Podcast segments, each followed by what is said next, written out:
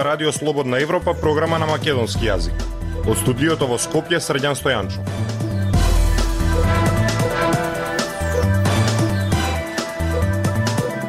Ја слушате емисијата на Радио Слободна Европа, почитувани. Во неа објавуваме. Сите ветуваат по високи плати и пензии, никој не кажува од каде пари за тоа предговорница едно на терен друго, што направија градоначалниците во првите 100 дена на функцијата. Поделени мислења за недела неработен ден. Слушајте ме.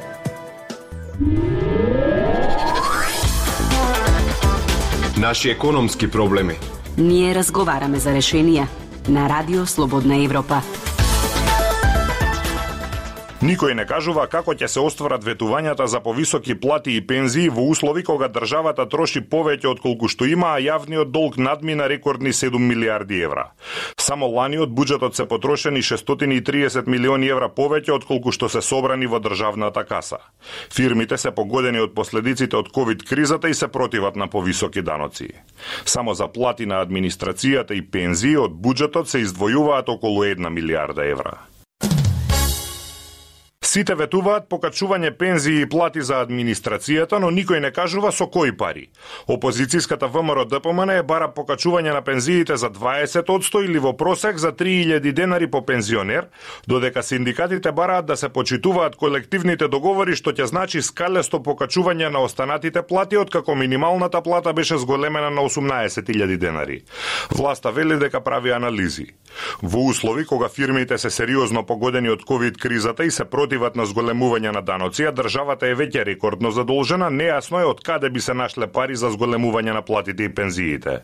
Опозицијската ВМРО ДПМН пред неколку дена до собранието поднесе предлог закон кој предвидува зголемување на пензиите за 20%. Со оглед на поскапувањата и растот на минималната плата треба да се покачат и пензиите за пензионерите да може да ги покријат основните трошоци за живот, рече координаторот на пратеничката група на ВМРО ДПМН е Никола Мицевски.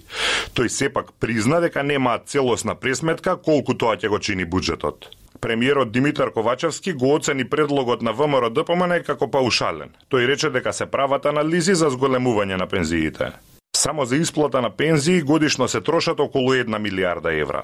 Половина од овие пари се собираат од придонесите, а околу 500 милиони евра доаѓаат од државниот буџет. Ако пензиите се зголемат за 20%, тоа ќе значи уште 200 милиони евра годишно од буџетот. За плати и надоместоци во јавниот сектор исто така од буџетот се трошат околу 500 милиони евра. Тоа значи дека околу 1 милиарда евра, односно скоро 30% од државниот буџет оди на исплата на плати и пензии. По зголемувањето на минималната плата, синдикатите бараат да се почитува законот и скалесто да се зголемат и останатите плати. Председателот на Конфедерацијата на слободни синдикати Благоја Ралповски вели дека сега сме доведени во ситуација една третина од јавниот сектор да прима минимална плата без разлика на работната позиција.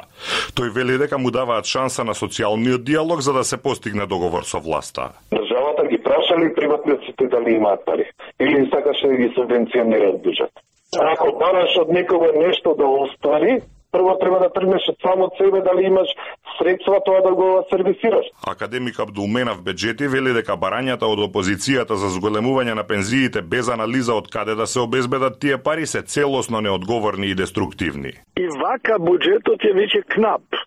Од една страна вела да ги покачиме сите овие давачки, вклучувајќи ги и пензиите, ненормално, 20% е тоа, а од друга страна велат не сме даноците да се покачуваат и критикуваат за зголемување на јавниот долг. Па има ли поголема нелогичност со сето ова? Јавниот долг на крајот на минатата година достигна рекордно ниво од над 7 милиарди евра, односно скоро 61% од бруто домашниот производ. Само изминатата година државата потрошила 630 милиони евра повеќе од што собрала даноци и други давачки. Независни вести и анализи за иднината на Македонија. На Радио Слободна Европа и слободнаевропа.мк. Вода за пиење во Брњарци нема. Жителите на колонија обвинуваат дека е асфалтирана само улицата каде што живее локалниот советник од ВМРО да ДПМН. Во општина Битола велат дека 23 улици со кои се пофали партискиот лидер Христијан Мицкоски во отчетот на сработеното на градоначалниците биле почнати од предходната локална власт. Во отчетот на ВМРО да ДПМН за работата на нивните градоначалници се наведува дека се реализирани 1090 проекти. Работите на терен не стојат баш така. Фросина Димеска. На 17 километри од центарот на Скопје се наоѓа село Брњарци. Административно дел од Скопската општина Газибава. Околу 400 жители на селото со години се жалат дека немаат чиста вода за пиење. По 100 дена владење на градоначалникот Бобан Стевковски ВМРО ДПМН преку сообштение се пофали. Брњарци доби чиста вода за пиење. Ден по ова сообштение во селото не дочека мештанинот Ѓурѓе Трипуновски. За пиење нема.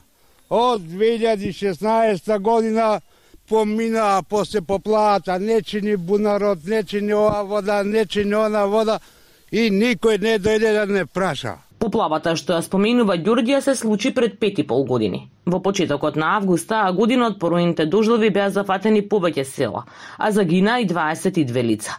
Идната 2017 на локалните избори победи градоначалникот СДСМ, а од лани прв човек на општината е градоначалникот ВМРО ДПМН. Што треба уште овие жителиве на Брњаци што треба да направат? Само за гласање дојди гласај го, а ми овека руки увис. Вели Трипуновски. Од Брњарци заминавме во колонија. Скопска населба исто така под општина Газибаба за која ВМРО ДПМН е наведоа дека се асфалтирани улици. На улицата која е асфалтирана има околу 50 на жители. Сретнавме двајца од нив. Предходно со земја, со кал, со ова, со вода, на, на сега, пред два месеца е направен носиме дрва, тука носиме коли идат, нема дупки, сега е добро. Но соседот чие што куќа се наоѓа на иста таква уличка, од спротивната страна не е задоволен има и свој сомнеш зошто е тоа така. Партиска работа. На оваа улица кај што се снима на асфалтот живее советникот во општина Газибаба од ВМРО ДПМ. Затоа е тоа направено. Покрај за овие скопски општини по викенд настанот во Македонската филхармонија, партијата која на последните октомвриски локални избори е победник, наведе и дека во Битоло се спроведува огромен проект за реконструкција на 23 улици. Радио Слободна Европа праша во општината кои од овие улици се отпочнати со реконструкција или завршени. Од општината набројувајќи одговорија за 23, како што напиша завршени предходно отпочнати улици, а наведоа 4 проекти во фаза на подготовка на документација. Слободна Европа. Следете на на Facebook, Twitter и YouTube. Два месеци од како стапи на сила законот за недела неработен ден, мислењата за ефектите се поделени. Стопанствениците се жалат, синдикатите се фалат, а владата најави дека ќе анализира какви биле ефектите. Во инспекторатот за труд велат дека најмногу прекршувања има во трговијата на мало. Ивана Стојковска има повеќе на оваа тема. Стопанствениците се жалат, синдикатите се фалат. Владата пак ќе ги анализира ефектите од законите со кои недела стана неработен ден. Од Стопанската комора бараат компаниите сами да одлучуваат дали ќе работат во недела или не, бидејќи тврдат дека се во загуби, но дел од синдикатите се децидни дека недела треба да остане ден за одмор како што е предвидено со актуелните законски решенија. Председателот на синдикатот за градежништво Иван Пешевски вели дека досега немало никакви отпуштања на работници или пак поплаки до синдикатите. Досега од сите вработени немаме негативни ефекти или несакани последици или отпуштање од работа, бидејќи компаниите каде што имаме членови, односно се членки во СКИП, не наидоа на проблем со недела неработен ден. Немавме поплаки ниту од работодавците, ниту од работниците, туку само пофални зборови од работниците. За разлика од синдикатите, пак дел од стопанствениците ефектите од недела неработен ден ги оценуваат како негативни. Дрилони Сини од Северозападна комора на Македонија вели дека фирмите веќе трпат загуби, а проценките се дека дел од нив дури 20% од вкупниот број вработени ќе бидат принудени да ги отпуштат. Ние ќе бараме повеќе флексибилност да им се дава на компаниите по однос на тоа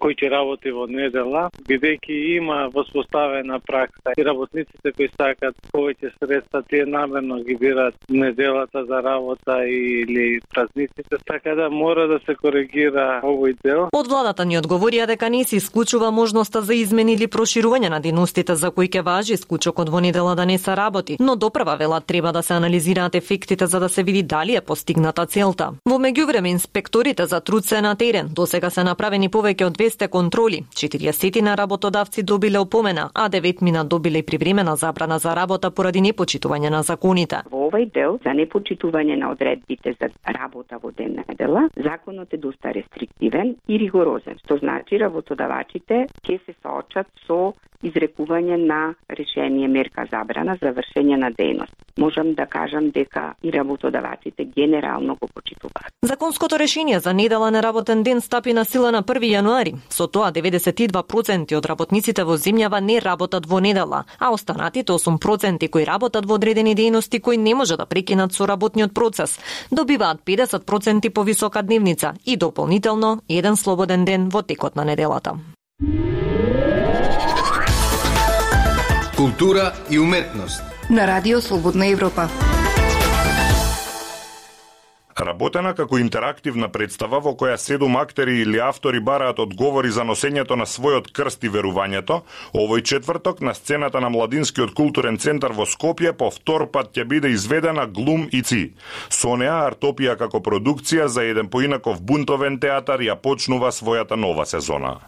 Прилог на Љупчо Јолевски премиерно изведена на 26 декември, во деновите кога сите настани, посебно они од културата, ја имаат судбината да бидат покриени од предновогодишната еуфорија и купувањето ефтини соништа, глумици на Аратопија, реално речено своето вистинско крштевање и живот на сцена, ќе ги започне в четврток на 17 февруари. Со незината изведба всушност ќе биде отворена и сезоната 2022 на продукцијата која во изминативе 6 години не разгали со исклучително храбрата серија пред представи во која се да го поздравиш и да ми го бациш на Билјана Радиновска, експеримент на Јане Спасич, ужегнато се работена по текст на Иван Вискочил и со Владимир Милчин како режисер и кожурец со текст и драматургија на Радиновска и на Верица Недеска. Тука се и двата меѓународни проект, поетика на срамот и да шиит, работени со партнери од Италија и од Турција, учествата на регионални фестивали и награди и најмногу од се заслужената доверба од публиката. А во пресрет на официјално втората изведба на проект светот. Особено е значајно она што неговите автори ќе го забележат во своето обраќање до јавноста, до своите гледачи и собеседници. Оваа представа ја сонуваме 10 години. Почнувавме да ја правиме неколку пати. Последниот пат кога почнавме, решивме да не ја завршиме никогаш. Прашање е дали глумици е воопшто представа за глумици или за глумци, за театарот, за сите нас во него или за него во светот, за славата, блесокот, за сето она што мечтаеме, за страдањето, за носењето на својот крст и верувањето. Можно и и да не е. Можно е да не е ни представа. Можно е да е нешто повеќе. Не знаеме. Не знаеме ни дали никогаш, не знаеме ни дали никогаш досега не сме го правеле ова или од секогаш сме го правеле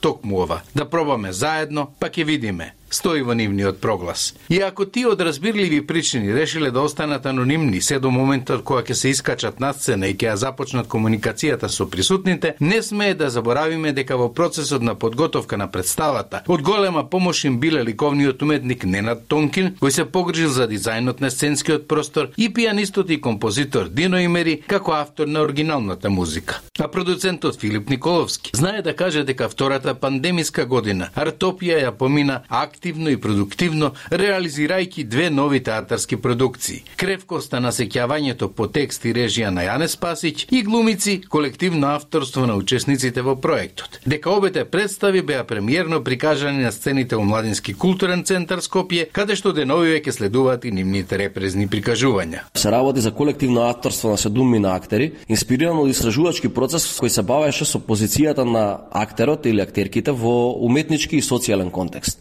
Интерактивна представа која комуницира со публиката, представа со променлива структура од изведба до изведба. Покрај овие две театарски представи Артопи учествуваше и во меѓународниот проект Див човек, кој се бави со културното наследство на традиционалните карневалски обичаи. Проектот е копродукција на организации од повеќе европски држави, а лидер на проектот е португалската Култургест. Истакнува Николовски. Ја слушавте емисијата на Радио Слободна Европа на македонски јазик. Со вас беа продуцентот Дејан Балаловски и Средјан Стојанчо. До слушање.